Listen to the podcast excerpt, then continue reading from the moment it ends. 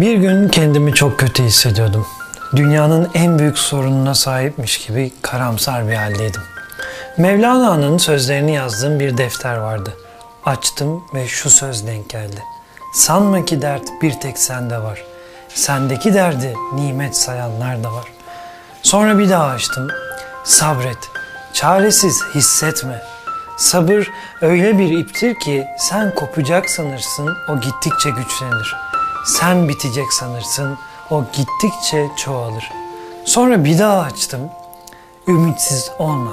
Çalınan her kapı hemen açılsaydı ümidin, sabrın ve isteğin derecesi anlaşılmazdı yazıyordu.